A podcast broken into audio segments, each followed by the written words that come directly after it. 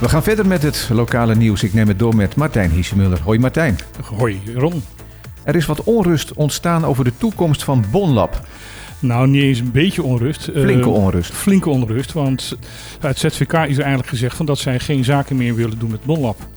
En dat is, eh, daar wordt op gegooid omdat ze zeggen dat ze niet meer geaccrediteerd zijn.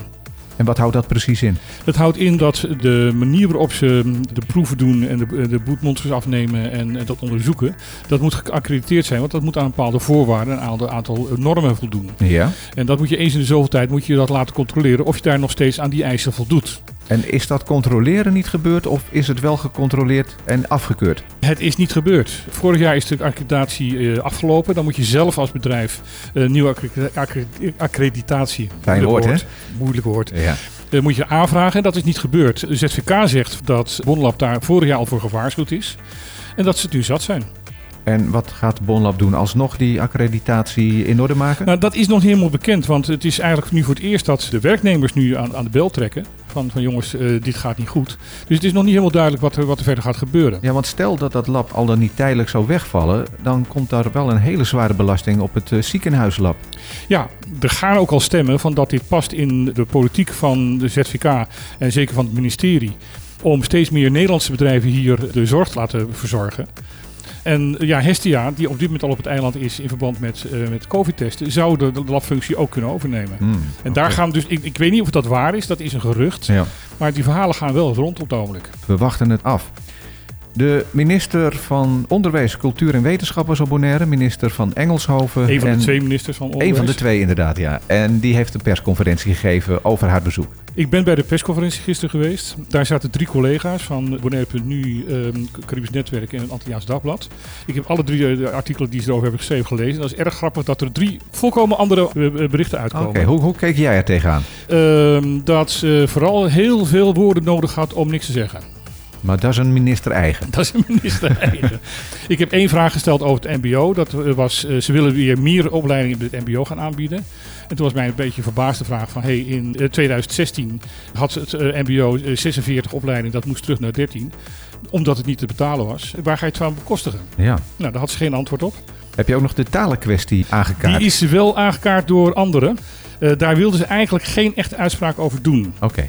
Wat wel nieuws was, en daar was ze eigenlijk voor, is dat, wat we al vermoeden, er een intentieverklaring is gekomen eh, tussen de, de gedeputeerde Den Heijer en de minister, Ja. eh, dat er een nieuwe eh, bibliotheek gaat komen. Ah, kijk aan. Inderdaad. Dat zagen wij aankomen vorige maand. Ja, Dat is dan bij deze bevestigd. Ja.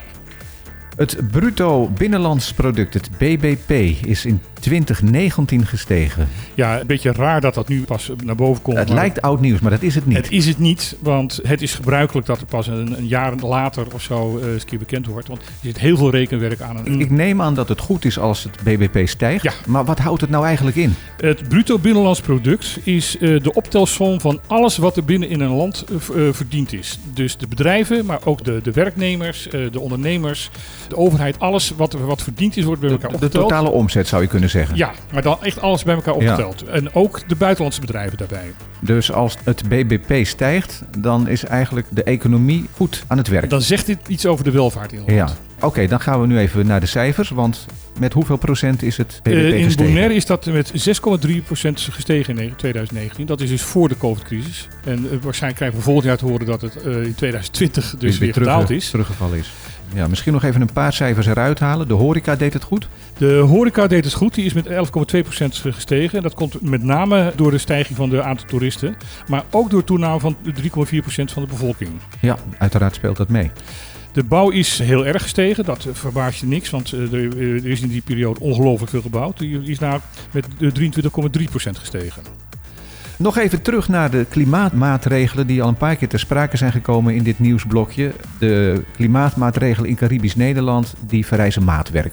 Ja, de minister is eh, met een, eh, de, sta- oh, de staatssecretaris in dit, geval, eh,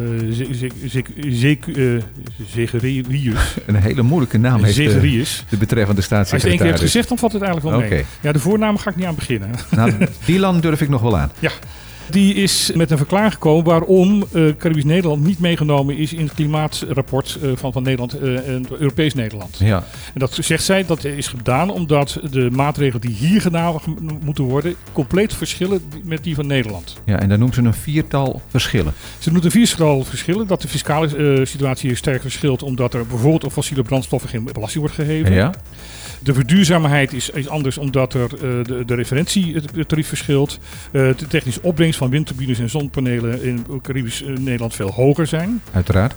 En de derde is van dat er geen concurrerende elektriciteitsmarkt op de eilanden zijn, omdat er geen concurrerende bedrijven zijn. Er is altijd één monopolist op het, ieder eiland die de elektriciteit verzorgt. Dus dat maakt ook heel erg uit in de prijzen die daarop gerekend worden. Ja, die zal er zeker niet door dalen. Die zal er zeker niet door dalen. En eilanden hebben een aanzienlijk schaalnadeel, omdat er eh, niet geleend kan worden van netwerken rondomheen. Ja, veel aandacht voor het klimaat. Natuurlijk vanwege die klimaattop die zondag begint in, uh, in Glasgow. Ja, uh, er, daar zijn ook weer zorgelijke maat, uh, mededelingen over. Er is nu weer een rapport gekomen dat als we niet uitkijken. In het allerergste geval over een eeuw de zeespiegeltijging ongeveer 5 meter zal zijn. Ja, misschien leuk om even te melden. Heeft niks met Bonaire te maken, maar wel over het onderwerp dat er een, een deepfake videofilmpje van Mark Rutte is. Van Mark Rutte ja, in de, omloop is door de correspondent. Door de, door de, de, de, de journalistenorganisatie, ja. de correspondent, is een Deepfake gemaakt. Hij is erg leuk. Uh, misschien moeten we het even op meegeneerd Even linken. Ja. ja, dat doen we. De politie van Curaçao is boos omdat de Nederlandse RTL-documentaire die daar gemaakt werd door de man die ook de gevangenis op Bonaire onder de loep nam, dat is Ewoud, ja, een beetje verkeerd is gevallen daar. Ewoud Genemans heeft het, uh, heeft, heeft, is bezig met, met, uh, met het Caribisch gebied. Heeft hier inderdaad documentaire over de gevangenis gemaakt. Die viel eigenlijk ook al niet goed, omdat iedereen zei van jongens, dit is wel heel erg uit het Nederlands perspectief gedacht. Um, en daar verder kwam hij ook niet. Hij heeft ook in Curaçao heeft hij bij de politie een, een documentaire gemaakt. Waarbij hij um, eigenlijk, dus dat zegt tenminste de politie nu, met valse uh, voorwenselen uh, naar binnen gekomen is. Hmm. En uiteindelijk een compleet andere documentaire heeft gemaakt dan wat was afgesproken. Ja, hij schijnt ook niet de documentaire na afloop eerst te, te hebben voorgelegd uh, aan het uh, politieapparaat. Wat wel afspraak was. Ja, was. Wat, wat ja. wel afspraak was en wat ook vaak inderdaad wel, wel uh, logisch is en, en, en, en vrij normaal is. Ja, ik heb de aflevering zelf nog niet gezien, wel die over Bonaire, dus ik ga vanmiddag even kijken. Is goed.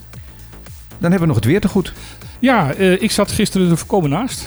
Ja, nou, dat, inderdaad. ik, wil, ik durfde het eigenlijk niet te zeggen, maar ja. Nee, ik heb daar geen moeite mee om dat toe te geven. Ik moest er zelf erg lachen. Er is flink wat regen uit de lucht gevallen. Nou ja, ik, als straf ben ik gisteren helemaal tot op mijn onderbroek nat geregend. Dus uh, Kijk. ik ben er ook voor gestraft. Uh, er uh, er is een, opeens een, een, een, grote storing die um, om, het eiland, om de eilanden heen blijft hangen. De, de, het, het verplaatst zich niet. Dus uh, dat was gisteren een hele plons water. En dat zal waarschijnlijk in de komende dagen nog wel weer, een paar keer herhalen. Want de, hele formatie blijft om de eilanden heen ja, Je kan dat ook goed zien als je omhoog kijkt. Ja. ja. Dus de komende dagen uh, gaan we ervan uit van dat er dus nu nou weer een behoorlijke plensbui is. En dat er, uh, de temperatuur niet boven de 30 graden komt. En uh, de wind matig is als het droog is.